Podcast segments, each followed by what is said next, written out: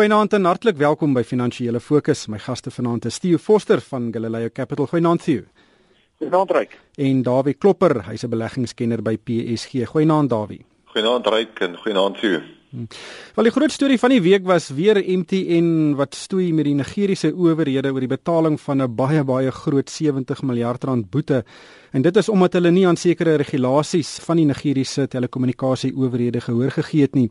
En Theo dit lyk asof uh, die Nigeriese owerhede nie gaan besgee nie en dat MTN dalk daai boete sal moet betaal. Ehm um, weet in die parlement in Suid-Afrika het ook hierdie week gesê hulle wil met MTN oor daai boete gesels en kyk of hulle nie dalk ook van daai reëls in Suid-Afrika oortree het nie. Uh MTN se bemagtigingsmaatskappy MTN Zakhele het hier genoteer en die aandeleprys het meer as gehalveer en MTN se eie aandeleprys is reeds omtrent 25% af. Uh dis nie 'n baie goeie week gewees vir MTN nie.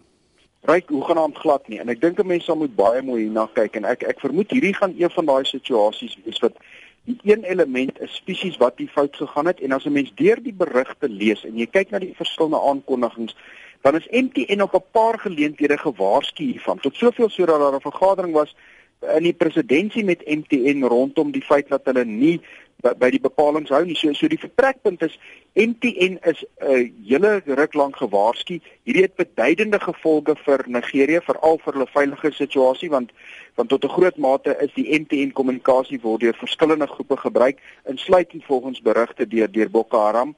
Maar, maar die punt van die saak is onthou MTN doen besigheid in 21 lande. Van hierdie lande is erger as as, as Nigerië, Suid-Sudan, Sirië, Iran. Uh, wat beteken dat hulle is daar is nog altyd beduidende risiko in MTN se aktiwiteite en ons het dit al gesien op 'n op 'n finansiële en kommersiële vlak en hierdie is nog nog 'n element van as jy besigheid doen in lande waar daar onstabiliteit is en in en in lande wat wat dit wat daar risiko's in dan gaan jy van tyd tot tyd hierdie goed oorkom.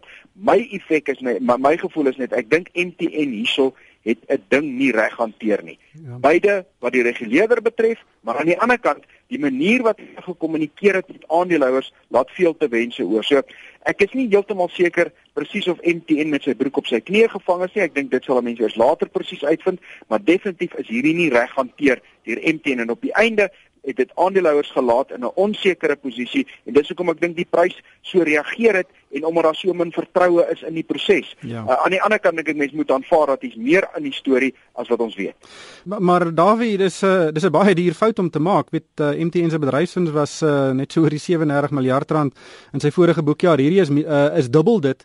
En uh, dit is ook MTN se grootste netwerk binne daai 31 netwerke waarna Theo verwys het. Hierdie hierdie kan hulle baie duur te staan kom. Inderdaad en dit uh, ons hoor hoe groot is hierdie boete. Dit is 5,2 miljoen gebruikers wat nie geregistreer geregistreer is op hulle SIM-kaarte nie. Dis R14000 per gebruiker wat die boete is. So as mens dan nou per gebruiker daarna kyk, is die boete ook nou nie so verskriklik groot nie, maar as dit op 5,2 miljoen mense van toepassing is, dan word dit 70 miljard rand.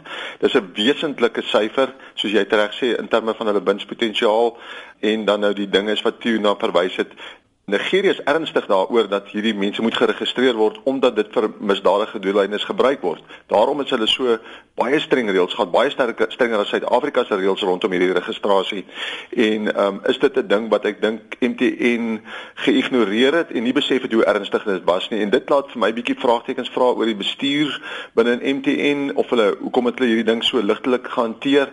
Hulle is so steeds reg sê van tevore gewaarsku en dit het dan nou geeskaleer tot hierdie punt waar nou is. So dit lyk of Nigerië ernstig is hieroor en ek weet nie hoe maklik gaan MTN hierdie ding veel kleiner kry nie. So dit is wesentlik en um, ons het in ons uh, portefeulje bestuur al 6 weke terug, 8 weke terug MTN verkoop nie hieroor nie, maar ons het gesê die opkomende markte waarvan MTN groot deel is is op sigself onder druk. En dan kom hierdie ding nou nog bo op dit alles. En dan dink ek mense met net al hoe meer fokus op hierdie kwaliteit besighede waarin jy belê. En kwaliteit kan jy nie sommer net ignoreer nie. Dit dis dis omtrent die enigste ding waarin jy deesdae kan belê. Hmm. Dit interessant genoeg uh weet MTN die verhandeling van die aandele is maandag opgeskort omdat hulle nie gekommunikeer het nie. Uh, ek dink dis die, die prys of die verhandeling van die aandele is vir omtrent 2 ure opgeskort en toe het MTN uitgekom met 'n baie niksegende 'n verklaring. Ehm um, so die die bestuur daar's ook 'n vraagteken oor hoe die bestuur hierdie hele storie kommunikeer met aandeelhouers. Matthew, ek wil net uh, een syfer nog noem en dit is hierdie boete is nou 5,2 miljard dollar. Nou Volkswagen wat ook hierdie week uh, nie 'n lekker week gehad het nie want uh, skynbaar is sy pet brandstof van sy brandstof engines ook uh, betrek by die skandaal oor die uh, besoedelingsvlakke van sy diesel engines. Ehm um, en Volkswagen het 7,3 miljard dollar se boetes uh, al voorsiening gemaak vir 7,3 miljard boetes wat uh, omtrent so 30% meer is as wat MTN nou mee beboet is. Uh, dit wys jou net is 'n enorme enorme enorme boete.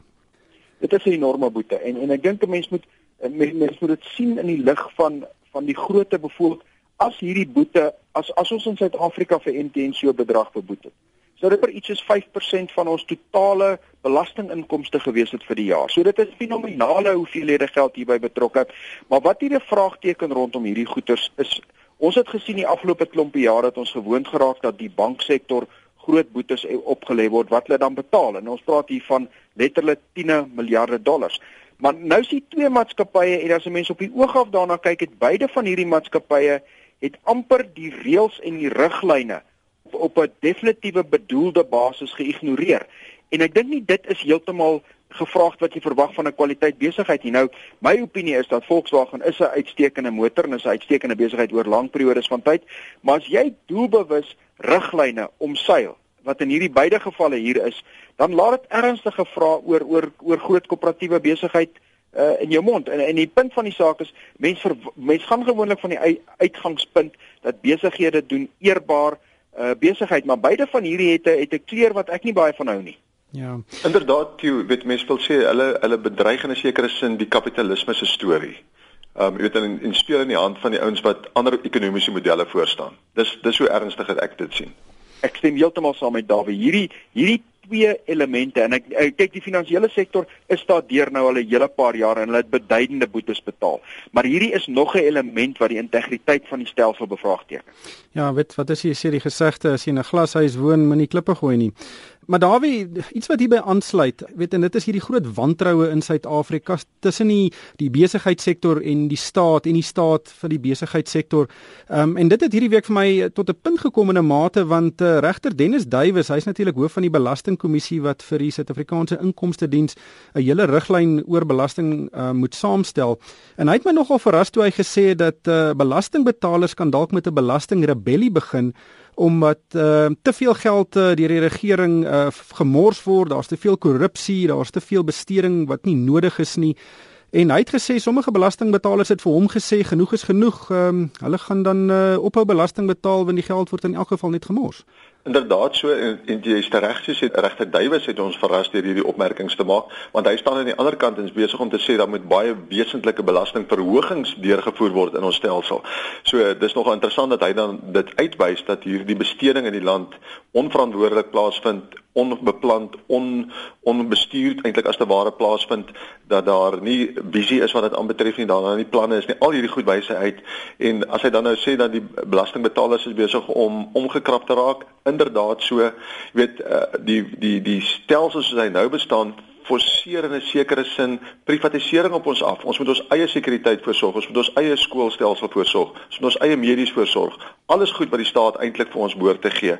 En die staat faal liderlik hierin en ons geld wat ons betaal, almal wat na hierdie program luister, vind dat hulle ehm um, dat dit wat hulle bestee, hulle eintlik niks daarvoor terugkry ehm um, in die vorm van van iets wat na ons kant toe terugkom nie. So ja, as regter Duwys begin ehm um, vraagtekens hieroor vra, moet 'n mens dit sien in die lig daarvan dat hy in sy posisie baie nader miskien nog aan aan die aan die mense staan wat hierdie belastingbil betaal en dat sy waarskuwing baie ernstig opgeneem moet word. Hmm.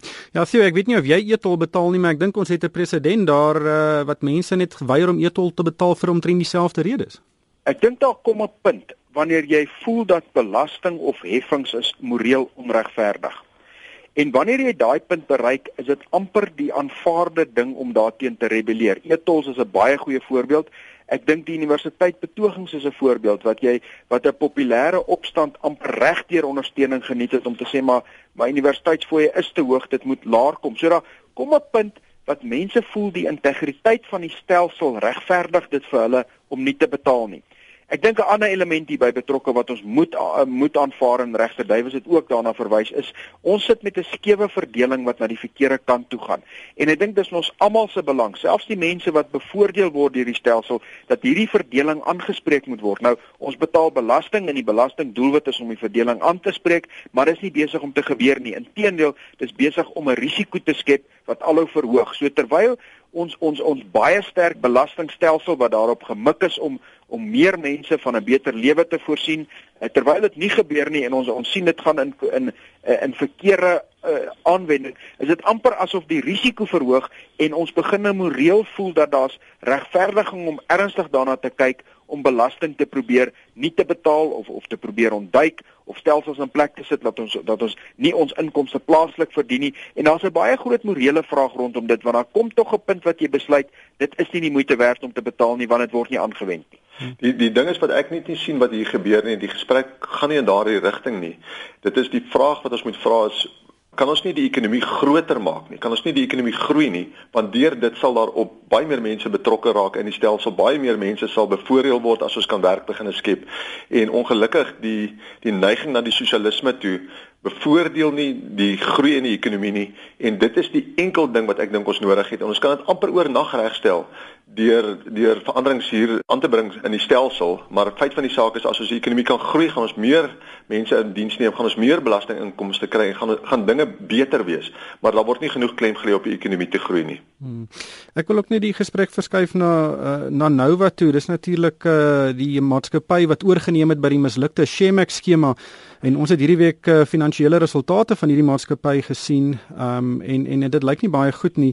Die bedryfsverlies uh, was omtrent 50 miljoen rand uh, en die direkteure het van die eiendomme verkoop om dit te finansier um, en ook hulle eie salarisse te finansier en die direkteur het hierdie in hierdie tydperk 16,7 miljoen rand verdien terwyl net so rondom 35 miljoen rand uitbetaal is aan die, die 33000 beleggers wat uh, deel is van die skema dis mense wat natuurlik in Shemax uh, belê het en uh, hulle belange is toe geskuif na Nova toe om te kyk of hulle miskien 'n uh, paar sente in die rand vir hulle kan red. Theo, um, het jy na die resultate gekyk uh, en, en wat was jou indrukke?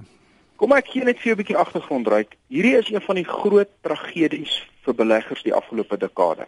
Hier's robweg 4.5 miljard rand hierby betrokke. Dis nou 'n aanleiding van persberigte en omtrent 33000 mense. So hierdie mense is almal in hierdie posisie, maar hierdie was 'n eienoomssyndikasie besigheid, was die eienoomsektor. Net om vir jou perspektief te gee. Die afgelope 5 jaar en die afgelope 10 jaar het eienoom vir jou kommersiële eienoom, ek vat suiwer die genoteerde kommersiële eienoomsektor het vir jou 19% per jaar groei gegee. Dit beteken jou geld het verdubbel in minder as 5 jaar. Inteendeel, elke 5 jaar, die afgelope 10 jaar in die eiendomssektor, het jou geld amper 2.5 keer verdubbel. So as jy 5 jaar gelede R10000 in eiendom gesit het, het jy nou R24000. As jy 10 jaar gelede R10000 in eiendom gesit het, het jy vandag R57000. So dit was een van die besondere sterk sy groei onderliggende groei sektore in die ekonomie. En dan kyk jy na hierdie resultate en jy sê maar wag so 'n bietjie, jy verwag eintlik dat hierdie resultate moet in lyn wees van die sektor. Die stroom is dan agter jou. Jy die jy het 'n fenominale wind van agtergaat in die eiendomssektor. En dan kyk jy na die resultate en dan sê jy maar wat gaan hier aan? Dis hmm. duidelik is dit absoluut uit lynheid. Dis nie dat dat, dat die eiendomssektor gesukkel het nie. Die die kommersiële eiendomssektor het die wins van agter en dan moet jy ernstige vrae gevra moet word en sê maar eintlik moes hierdie 4.5 miljard rand se beleggings en hierdie 33000 mense moes besonder goed gedoen het in uit uit kommersiële eiendom en dan kom die vraag terug na die maatskappy hoe dit hoe wat het hier gebeur wat het fout gegaan en waarom is hierdie syfers nie in lyn met die res van die sektor nie hmm. Dawie jy bly in Pretoria wat is jou indrukke Wel, hier staan 'n monument hier in die suidooste van Pretoria. Ehm um, wat gebou is is 'n raamwerk wat van 'n gebou wat um, opgerig is wat hulle waardeer hier op oor 'n miljard rand wat niks werd is, absoluut niks werd nie. As die agtergrond wat Theo geskets het, as jy dan binne daai konteks sê dat hierdie mense, hierdie vier direkteure vir hulle self 16.7 miljoen rand se salaris betaal, en hulle het nie gepresteer nie met hierdie geweldige winde van agter nie, dan moet jy vraagtekens vra oor die oor die billikheid daarvan en oor die uh, die die verstommende audacity amper wil ek sê van die feit dat dit kon gebeur het dat hierdie salaris op hierdie vlak kon betaal geword het. En die arme mense wat dan nou sit en 'n paar rand in die uh, weet 'n paar rand gaan terugkry vir hulle beleggings wat hulle gemaak het. 'n paar sent in die rand gaan terugkry Ja. Ek het uh taamlik weet uh, berig uh, oor hierdie uh, jaarvergadering wat ook die week plaasgevind het uh, waar die Mere ook maar uh, gevlieg het. Uh, in my perspektief is net uh, weet die oomblik as jy stories hoor van 'n man wat huil oor hy nie sy vrou kon begrawe het nie en 'n vrou wat winkel toe stap en sy wonder of sy een of dalk twee aardappels sal kan koop. Ehm um, weet dan dan trek jou hart op 'n punt uh, en dan sien jy die salarisse wat van hierdie direkteure ontvang en weet dit is uh ek het nou nie 'n mening oor of dit billik is of nie, maar dit dit dit is net nie vir my reg nie. Ehm um, hier is mense wat baie arm is weens hierdie beleggings en aan die ander kant is daar mense wat groot salarisse ontvang wat skynbaar in hulle belang moet optree. Maar by, by die salarisse net met moet vergelyk word met wat hierdie die, die mense in die openbare sektor of in die genoteerde sektor verdien het en dan vergelyk hierdie salarisse baie goed daarmee en dan is dit die die die, die gesprek oor billikheid daar rondom. Hmm, absoluut. Maar ongelukkig het die tyd ons ingehaal. Baie baie dankie aan Theo Forster van Galileo Capital en Dawie Klopper van PSG. En van my ryk van die kerk, dankie vir die saamluister en ek hoop almal het 'n winsgewende week.